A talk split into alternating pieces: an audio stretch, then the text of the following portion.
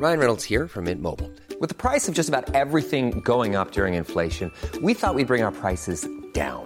So to help us, we brought in a reverse auctioneer, which is apparently a thing. Mint Mobile unlimited premium wireless. Ready to get 30, 30, bit to get 30, bit to get 20, 20, 20, bit to get 20, 20, bit to get 15, 15, 15, 15 just 15 bucks a month. So, Give it a try at mintmobile.com slash switch.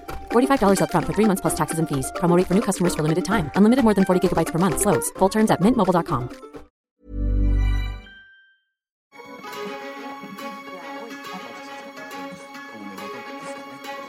Är det nu det vänder för Ulf Kristersson? Och eh, kan Gunnar Hökmark få in Sverige i euron?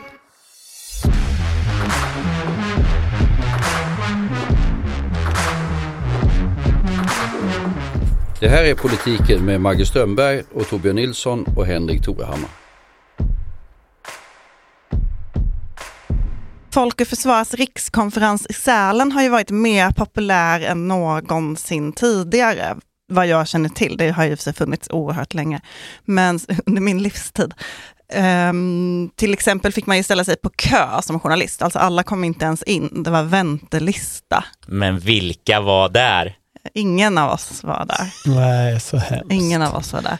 Ehm, Det var men- tyvärr utav sjukdom ska vi säga. Ja, det var PGA-virus Ja, och inte att vi inte kom in. Vi var insläppta. ja. Men- Jag, jag, Du var inte, på listan. Ja. jag skulle inte åka dit så jag var lite sur så jag valde att nästan bojkotta evenemanget.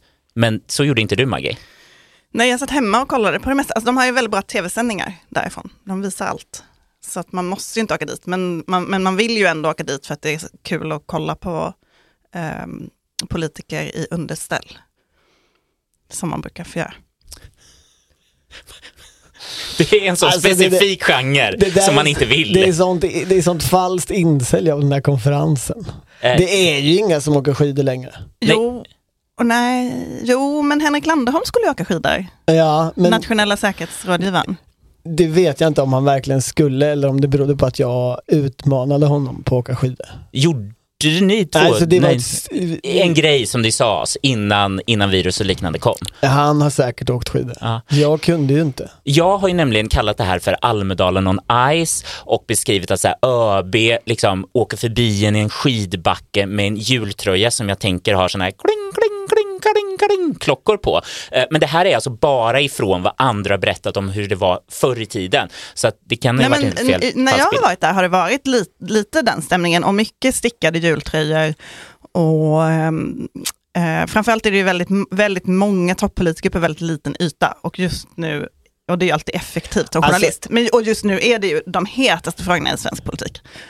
Det som är kvar av den här gamla Storlien-auran, alltså det, det här evenemanget var ju i Storlien först, från 1947 fram till 46 tror jag, det jag läste i tidningen. Eller? Ja, Nej. mm. Det, ja, det, diskussion om det där för det första evenemanget, alltså som Torsten Nilsson, sossen, skapar, som då är SSU-ledare, det är 46 tror jag. Ja. Men, och det kallar han för Folk och Försvar, men det är i Stockholm, jag tror det är på eh, Konserthuset. Och samtidigt, och, och själva organisationen säger att Sen de kommer liksom en ju från organisation. 40. Nej men organisationen hävdar att de började redan 40. Ja, vi hade en rättelse i vår tidning på Ja. detta idag, det var därför Är jag visste det. sant? Att då hade vi skrivit 46 men det fanns redan 1940. För jag läste, eh, alltså Gunnar Wetterberg skrev på, på Folk och Försvar organisationens uppdrag eh, ganska nyligen eh, när de fyllde 80 eller något. Eh, deras skapelsehistoria och ja, Ja, ja, den, men- är, den är ju gradvis Ja. och successivt men det är ju ett SSU-evenemang från början. Eh, och organisationen är ju liksom i mer eller mindre en, en utlöpare från sosseriet. Hur sossigt kändes detta Folk och Försvar? Um, Det känns ju aldrig sossigt nu för tiden eftersom det så småningom då sen togs över av liksom militären. Det, det är ju ett evenemang som går ut på från början att politiska ungdomsförbund som var radikalt emot militärer eh, och var pacifister på olika sätt ändrade sig och blev pro-militärer efter andra världskriget och behövde liksom umgås och få förtroende för militären och de för militären för de här radikala politikerna. Det kändes på sätt och vis sossigt, även om regeringen ju har haft en eh, väldigt stark närvaro där. De har ju synts mycket, haft mycket presskonferenser. Eh, både Gunnar Strömmer, Paul Jonsson, Carl-Oskar Bolin, Ulf Kristersson själv har ju varit mycket synlig där de här dagarna. Men det tal som Magdalena Andersson höll första dagen på söndagen var ju ändå, eh, man märkte att hon fortfarande gärna vill dominera den här NATO-processen och tycker ju liksom lite att hon äger den.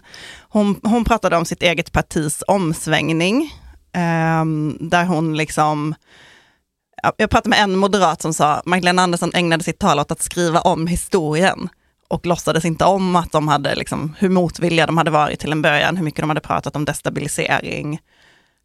Um, men hon pratade också hela tiden om jag som statsminister och min regering, ungefär som att den tiden fortfarande fanns idag.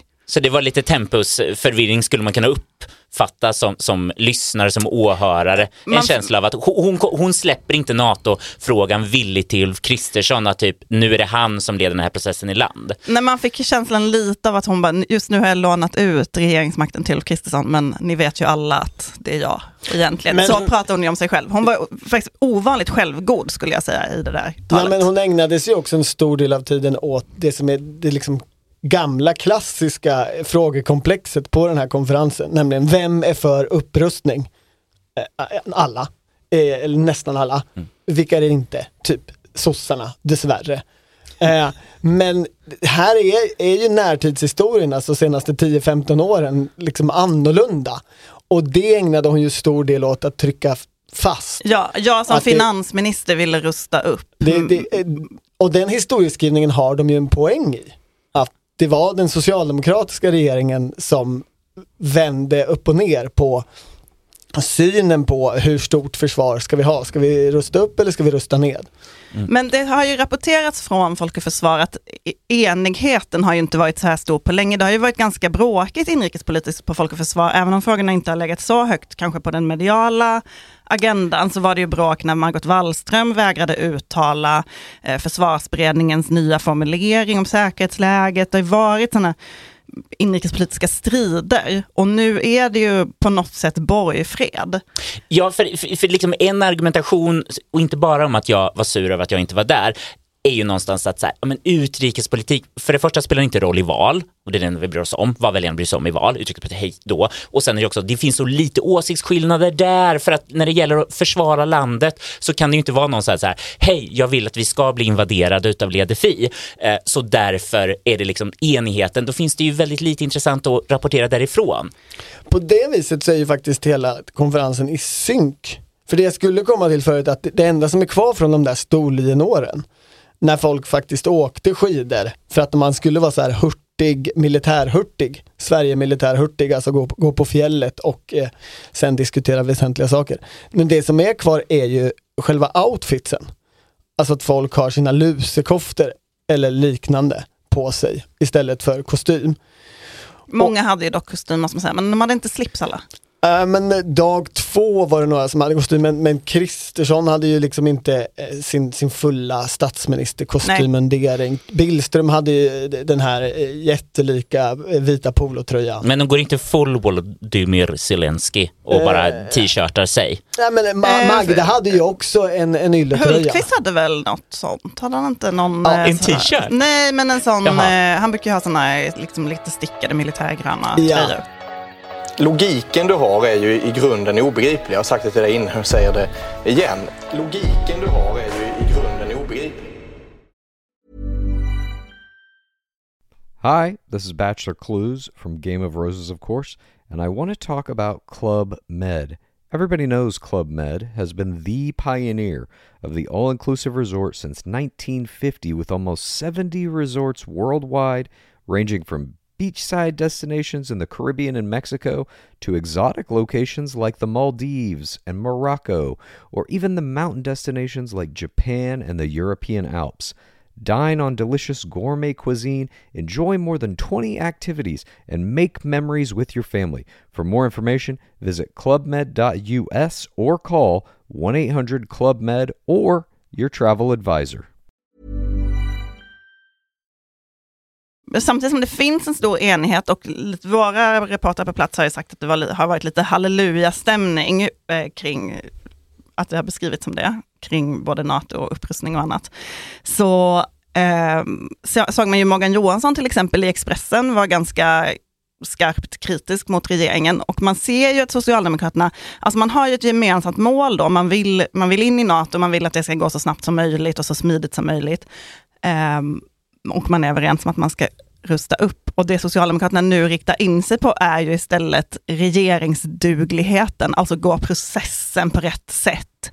Eh, fjäskar de för Turkiet på rätt nivå eller går det för långt? Borde Billström ha sagt det här om PKK-flaggorna eller inte?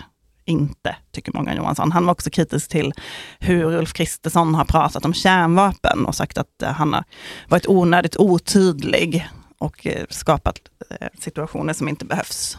För jag tänker, det. det. skulle kunna delas upp i både process men också lite sakfrågor. Att det finns i alla fall delar utav Socialdemokraterna som bryr sig väldigt mycket om kurdernas situation.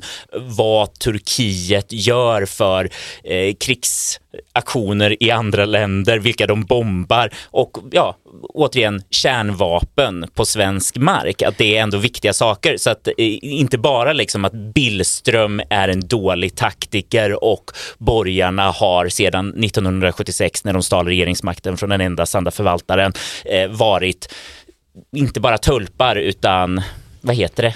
Sådana som inte är bra, vad heter det? På att göra grejer. Eh, inkompetenta. Drummeljönsar, tack för ordet Torbjörn. Men, för jag frågade också en, en moderata som jag pratade med hur de uppfattar det här. Uppfattar de det som att Socialdemokraterna ändå försöker skapa konflikt i NATO-frågan? Eh, och då sa de att från Magdalena Andersson får de ju inga sådana signaler. Hon hade ju möte med Kristersson och Stoltenberg, hon är väldigt noga med, med hur hon formulerar sig. Men däremot har man ju då satt Morgan Johansson, sluggern, som utrikespolitisk talesperson och han låter ju på ett helt annat sätt. Och Moderaterna vet inte riktigt hur de ska tolka det här. Är det så att Morgan Johansson bara kör sin egen stil? Eh, är det så att, att partiet vill ha de här dubbla att Socialdemokraterna vill ha det här, de här dubbla spåren, eller är hans jobb att då signalera internt till, social, alltså i, till de du pratar om? Eh, de som bryr sig om kurder, som tänker att kärnvapen är inte världens mysigaste sak. Ja, men de socialdemokrater som faktiskt tvingades svänga väldigt snabbt mot sin vilja, är, är hans jobb då att hålla dem på gott humör?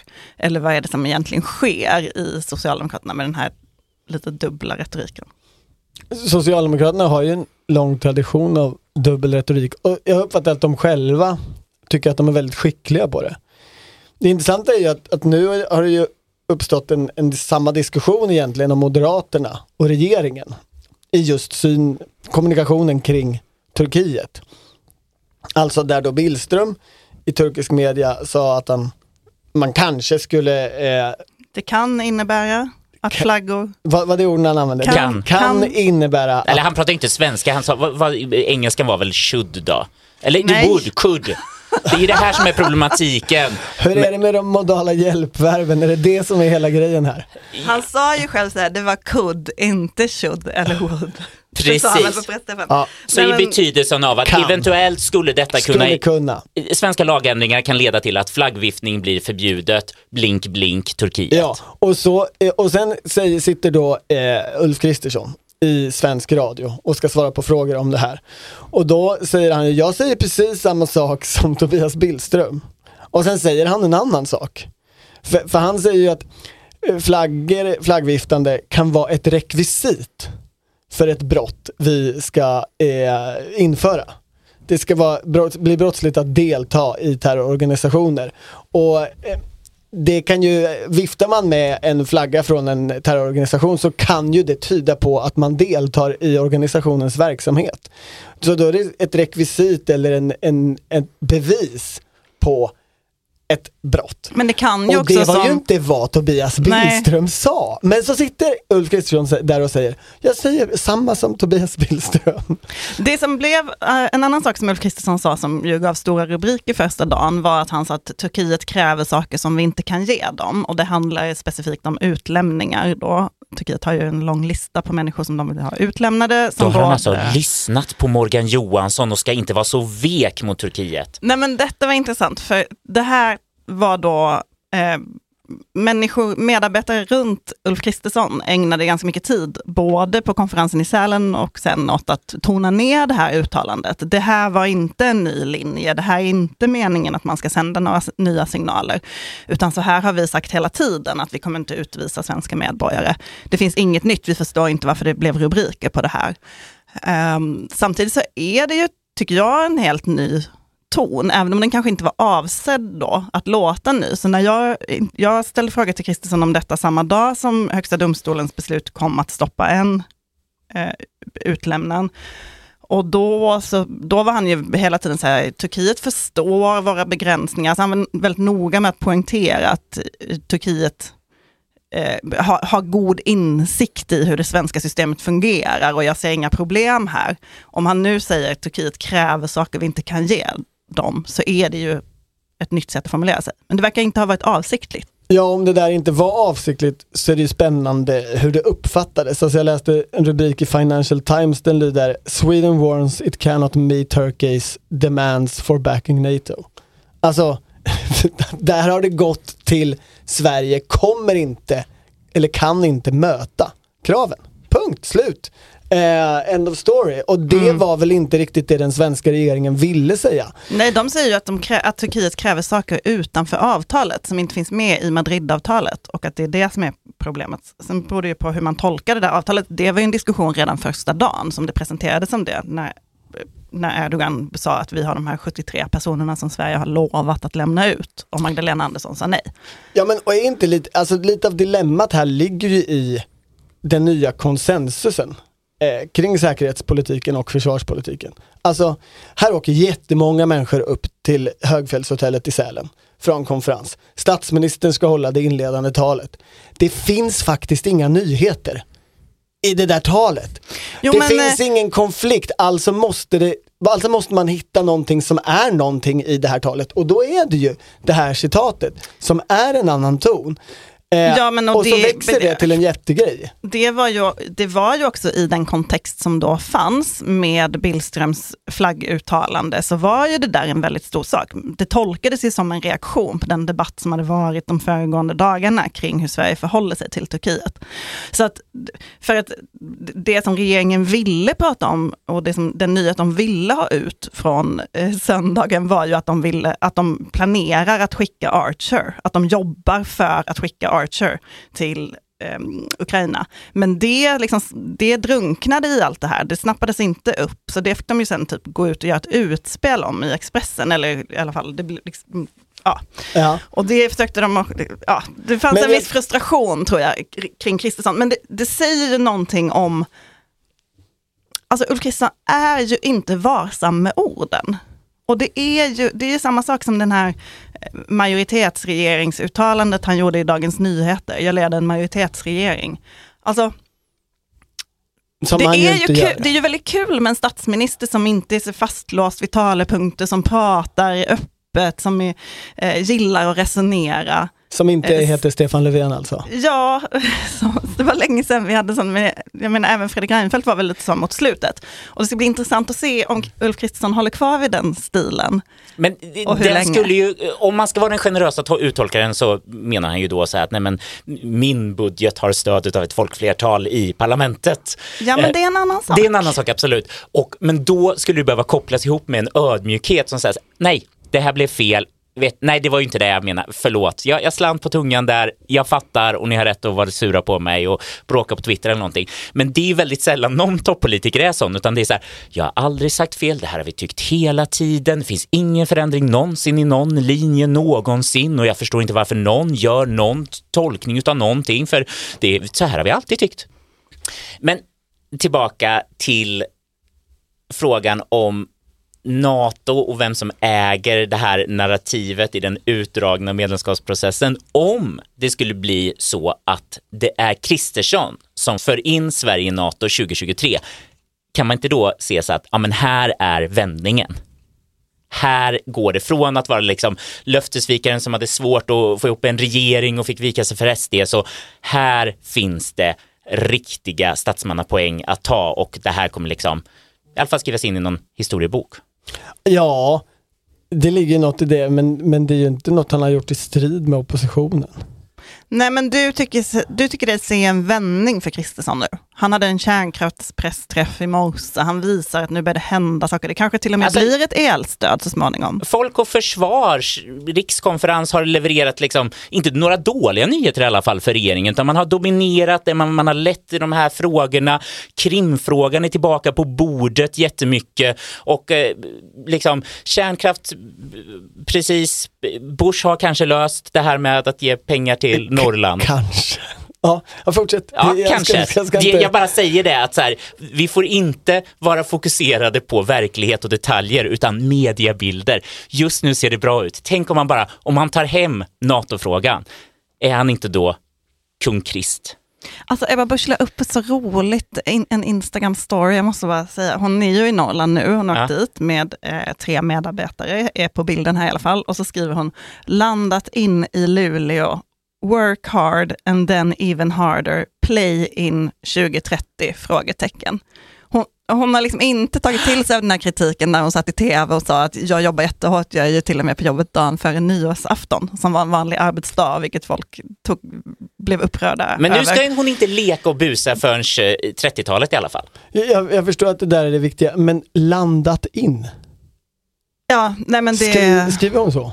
ja. Vad är, är Men jag, jag skriver hon inte, blandar hon inte landat in Luleå skulle hon skriva, eller landat i Luleå, men så landat in i, eller landat in Jag tycker i. inte heller att det är så viktigt.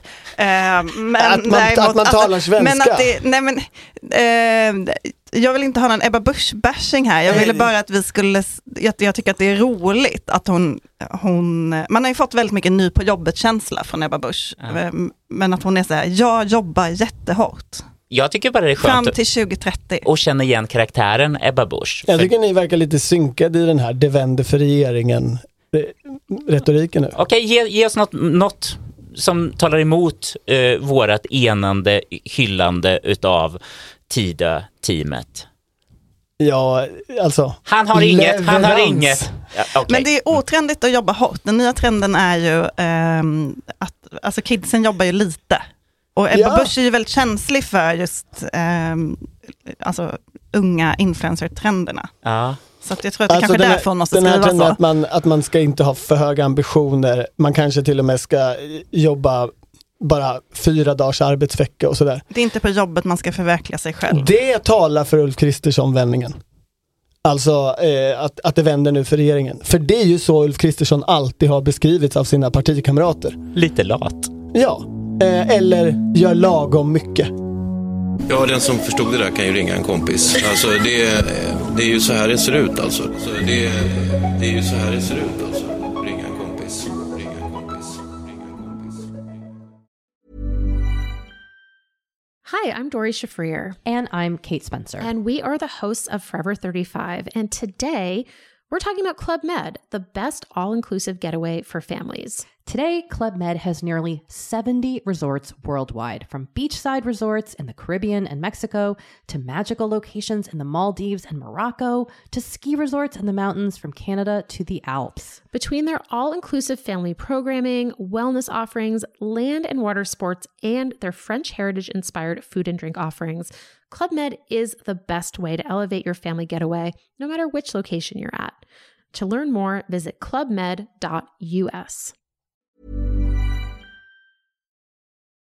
Är det dags för en revival utav 2003 års heta politiska fråga?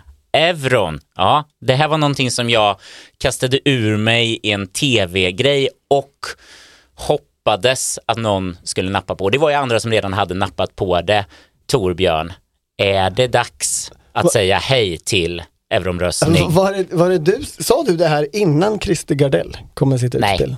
Nej, nej, nej. Så att jag, jag, jag bara, jag försöker claima det här liksom att jag var på bollen eh, i slutet av december. Eh, Okej. att så här, och tittade framåt och sa kanske framför allt med riktning till Liberalerna, det här malliga partiet som hela tiden så här, åh vi hade rätt om kärnkraften, eh, vi hade rätt om, jag kommer inte ihåg vad det var, mobiltelefoner, någonting var det. Och sen så bara så De här, vill ju lita på gärna få rätt om euron också. Precis, det vore väl jättetrevligt för dem att göra det istället för att prata om hur dåligt det går för Sverige att nå sina klimatmål. Trendbeskrivningen för det här är väl egentligen lite svag. Alltså det som har hänt är att eh, affärsmannen Christer Gardell har gått ut och sagt att jag hade fel i 2003, Sverige borde eh, ha gått med i euron, eller i alla fall nu. För, vi, för kronan är så svag och det går så uselt för mina företag. Det sista sa han inte, men det var väl egentligen det han menar. Jag har förlorat för mycket pengar på den svaga kronan. Och sen har ju Gunnar Hökmark, eh, all, allas, alla moderaters Gunnar Hökmark, allas vår på många sätt också, alltså svenska folkets Gunnar Hökmark, kommit ut med en debattartikel i Dagens Industri och sagt Sverige måste gå med i EMU. Och det är väl kanske ingen egentligen jätteförvånad över. Eh, men men Att just han ju- säger det eller just nu? Nej, att just han säger det. Ja. Han, han säger det väl alla dagar i veckan, någonsin, alltid, eh, på det sättet som så att säga Gunnar Hökmark sinns eh, alltid har funnits och alltid har tyckt samma sak.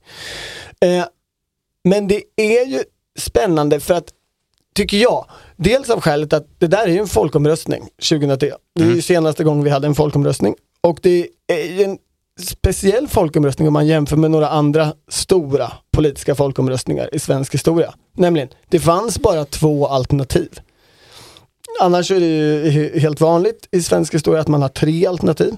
Så att det blir jätterörigt efteråt att reda ut vad det faktiskt var för linje som vann och med vilket mandat och sådär. Och den här gången så var det ju dessutom så att alla etablissemangspartier får man ju säga eh, verkligen tyckte en sak, ville att Sverige skulle gå med i, i det här monetära samarbetet. Och svenska folket sa nej till det. Och då är ju frågan, alltså det var ju ett så tydligt utslag. Eh, all, alla som ville ha euron liksom förlorade, försvann, evaporerade upp från ytan. Det gick inte överhuvudtaget på något sätt driva den frågan. Sen har det ju också efteråt varit en tid då man har sagt väldigt mycket att de fick rätt. Tack och lov att det gick som det gick. Absolut. Under de det- kriser som har varit. Verkligen. Eh, och då är ju den där spännande grejen med folkomröstningar. När slutar de egentligen att gälla? Alltså de är ju rådgivande då. Men, men det, här, det rådgivande i den här omröstningen har ju liksom gjort all debatt för svenskt medlemskap i monetärt samarbete liksom helt omöjligt att driva. Hur länge varar det? Otroligt oklart. Ska vi för alltid vara fast i, i, det, i det resultatet? Eh, vi måste gå tillbaka och kolla på om någon sa så här typ det här ska vi inte göra igen på 20 år eller en generation som vi andra folkomröstningar har sagt saker. Annars brukar det sägas att så här, folkomröstningar tas till när man ska lösa interna partistridigheter, att partierna inte formeras på något rimligt sätt liksom, i en fråga utan så här, det ska lösa ut partibråken och det är svårt, jag har inte sett några interna pejlingar på var, var liksom EMU-frågan står i de olika partierna, hur de delar sig eller inte. Men vi kanske måste bara eh, klargöra... Alltså generellt i borgerligheten idag så är ju inte jättemånga för E- EMU eller euron. Alltså ungdomsförbunden, Moderaterna, Kristdemokraterna är ju långt, långt därifrån och har varit länge. Ja, och, alltså, det, det, och varför vi ens pratar om frågan nu, det är väl egentligen för skitvalutan kronan, hur oerhört svag den är och att det är det som folk har tittat på och kanske pekat också på ett grannland Danmark och så pekar man så här, Danmark är ju inte med i euron men har knutit sin valuta till den och det, liksom nu blir det en stor skillnad och då är ju argumentationen hela tiden så här, ja fast vi har så mycket exportföretag i Sverige, men vad säger Gardell då? Ja, då säger Gardell att det är den gamla ekonomin. Eh, så det, vi gynnas inte längre på samma sätt av, av att när kronan blir svag. Mm, och även exportekonomi. Eller i alla fall inte hans företag. Nej, och, och han menar ju också att även de saker vi exporterar, det är sådana komplexa kedjor fram och tillbaka så att du importerar ändå in det dyra i det här exportsuccén Sverige. Det, det, det, det blir dyrt att ha en billig valuta. Men tiden pekar väl inte mot ett liksom, ökat EU-engagemang? Eller?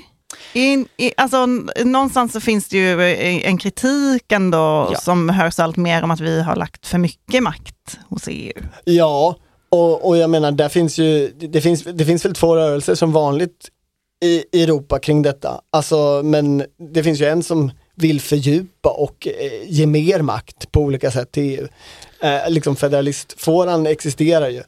Men generellt så får man väl säga att det är ju motståndarna till överstatlighet som har vunnit i val runt om i Europa de senaste tio åren. Nej, det, det är väl väldigt svårt att se en ideologisk, idealistisk eh, våg av att så här, men det står i ett fördrag att vi ska ever closer union och, och liknande och därför bör vi alla ha samma valuta i, i, i Europa. Eh, utan det är ju det praktiska på något sätt. Så här, det blir krisigare och krisigare i eh, den svenska ekonomin. Nu måste vi pensionera den gamla goa kronan som tjänat oss så väl, men nu ska vi ha euron. Men det var, alltså, nu reser inte jag så mycket, men det var ett tungt argument eh, då att man inte skulle behöva växla. Men Ja. vä- Ja. man gör man det nu för tiden? Man betalar väl med kort? Alltså man växlar väl inte? Förutom typ i Tyskland som inte tar Ja, kort. Ja. Men det, det, det var, fanns ju många argument som var spännande och det är det som är det roliga tycker jag med Gunnar Hökmarks debattartikel. För han tar ju spjärn emot NATO-medlemskapet och säger Alltså om vi nu ska vara med i NATO, då måste vi också vara med i EMU. Och det kan ju tyckas vara två helt olika saker, men i Moderata samlingspartiet i en viss generation, alltså Carl Bildts generation, människor som var någonting under Carl Bildts tid, så har man ju eh, liksom, redan då så, så, så, så fastslog ju liksom Carl Bildt någon slags tågordning för Sveriges väg ut ur isoleringen. Beskriv denna logik. Alltså den kommer fram i, i Karls böcker, men framförallt i den här Hallänning svensk europé som han skrev eh, 91 eller 90 eller något sånt där. Som ju handlar om Europas historia och Karl. Karl och Europa. Och där är ju liksom idén att vi ska gå med i den här unionen. Och nu har sossarna, som de losers de är, och så beskriver han allt som sossarna har sagt om, som är emot Europa eller emot unionen och de har fått fel på alla punkter. Och nu händer det till slut. Och efter det så ska vi med i det här monetära samarbetet som diskuteras eh, på kontinenten. Och när det är klart så kan vi börja diskutera NATO-frågan. Alltså det finns en tågordning som, som Bildts globalism eh, för Sverige har. EU-medlemskap, EMU-medlemskap, NATO-medlemskap. Men det var en, en, det är en yngre generation, det är människor som är någonting runt Ulf Kristersson nu. De eh, tyckte, stökade till det där, för de började prata om NATO alldeles för mycket på 90-talet. I tidningen Svensk Tidskrift och på andra ställen. Svensk Tidskrift, där satt eh, Ulf Kristersson i redaktionsledningen tillsammans med sin kompis Jan Torstensson och sen så skrev Henrik Landerholm artiklar. Och, och på jullovet så var Torbjörn på Svensk Tidskrifts redaktion och läste i läggen. Ja, det finns, de har digitaliserat hela sitt arkiv men det finns en artikel som är missad.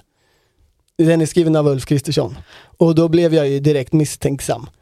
Här har man skyddat Kristersson Ja. från någonting som han har skrivit. Och vad var det för skop? Alltså det var en ganska innehållslös artikel. Den handlar om Gösta Bohman som fyller år.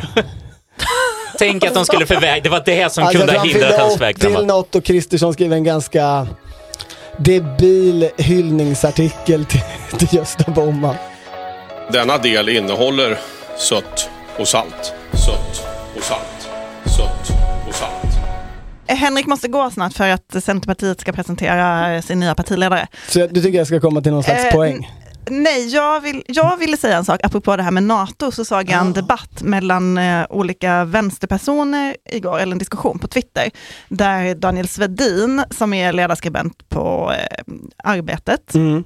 han sa att NATO-processen visar att vi måste slipa på våra argument. Vi måste hålla den här debatten levande. Vi i vänstern. Ja, eller vi som är emot EMU. För att ehm, annars kommer Socialdemokraterna och Moderaterna plötsligt och är överens och så går det skitsnabbt och då har vi inget att sätta emot. Ja, och det, där, är- det är ju samma den där logiken från Det Moderaternas nog re- 90-tal. Att så här, vi, vi, vi har ju rätt så det kommer hända. kräver ju mycket kris, tänker jag, för att det ska gå så där snabbt som det gjorde med NATO. Kräver ett verkligt starkt yttre hot. Nu, nu tror jag. Hej. Ehm, ett- ett annat sentimentalt argument från eh, NATO-debatten, nej förlåt, från ehm, EMU-debatten, Mm. som man minns den som ungdom, var ju, eller alltså jag tänker att pengar finns ju inte riktigt längre i Sverige, alltså kontanter är ju ingenting man ägnar sig åt, eller väldigt få gör ju det. Så det är ju ingen som heller bara, åh vad tråkigt att vi ska byta ut våra 50 lappar mot den här nya eurosedeln. Nej. För att man vet inte ens hur de ser ut. Men jag, jag vet inte om det var det argumentet som vann åt nej-sidan, men det kanske det var. Nej, men jag, tror att, jag tror absolut eh, att liksom de eh, förändringsobenägenhet spelar ju alltid in i den här typen av omröstningar. Den man skulle vilja ut eh, på banan, eh, alltså debattbanan efter Gunnar Hökmarks kanske inte helt överraskande utspel, det är ju Birgitta Ed. Verkligen. Kristerssons hustru. Ja, för hon var ju ansvarig för ja-kampanjen. Japp, hon ledde den. Och eh, hon kanske har några lärdomar från den förlusten. Och eh, ja, frågan är, vill hon ta det här vidare? Vill statsministern ta det vidare? Det, är- alltså jag menar Gunnar Hökmark är ju ändå, han är ju moderat, han tillhör ju statsministerns parti. Statsministern säger ju att han inte ens vill eh, stänga Systembolaget. Så att jag, eh, jag vet inte om han tycker att det här är... Han ska, ändå, han ska ändå lösa brottsligheten, ta Sverige in i NATO och bygga kärnkraft. Osäker på om han vill ha den här frågan också. För då har ju liksom historien verkligen gått runt på många sätt. Alltså Carl Bildt som, som inte riktigt ville att Sverige skulle gå med i NATO, i alla fall inte nu, i alla fall inte när jag styr. Då blir ju det samma sak nu med EMU-frågan. Då ska liksom Ulf Kristersson sitta där och vara den bromsande klossen. För den här självklara, naturliga utvecklingen som skulle hända.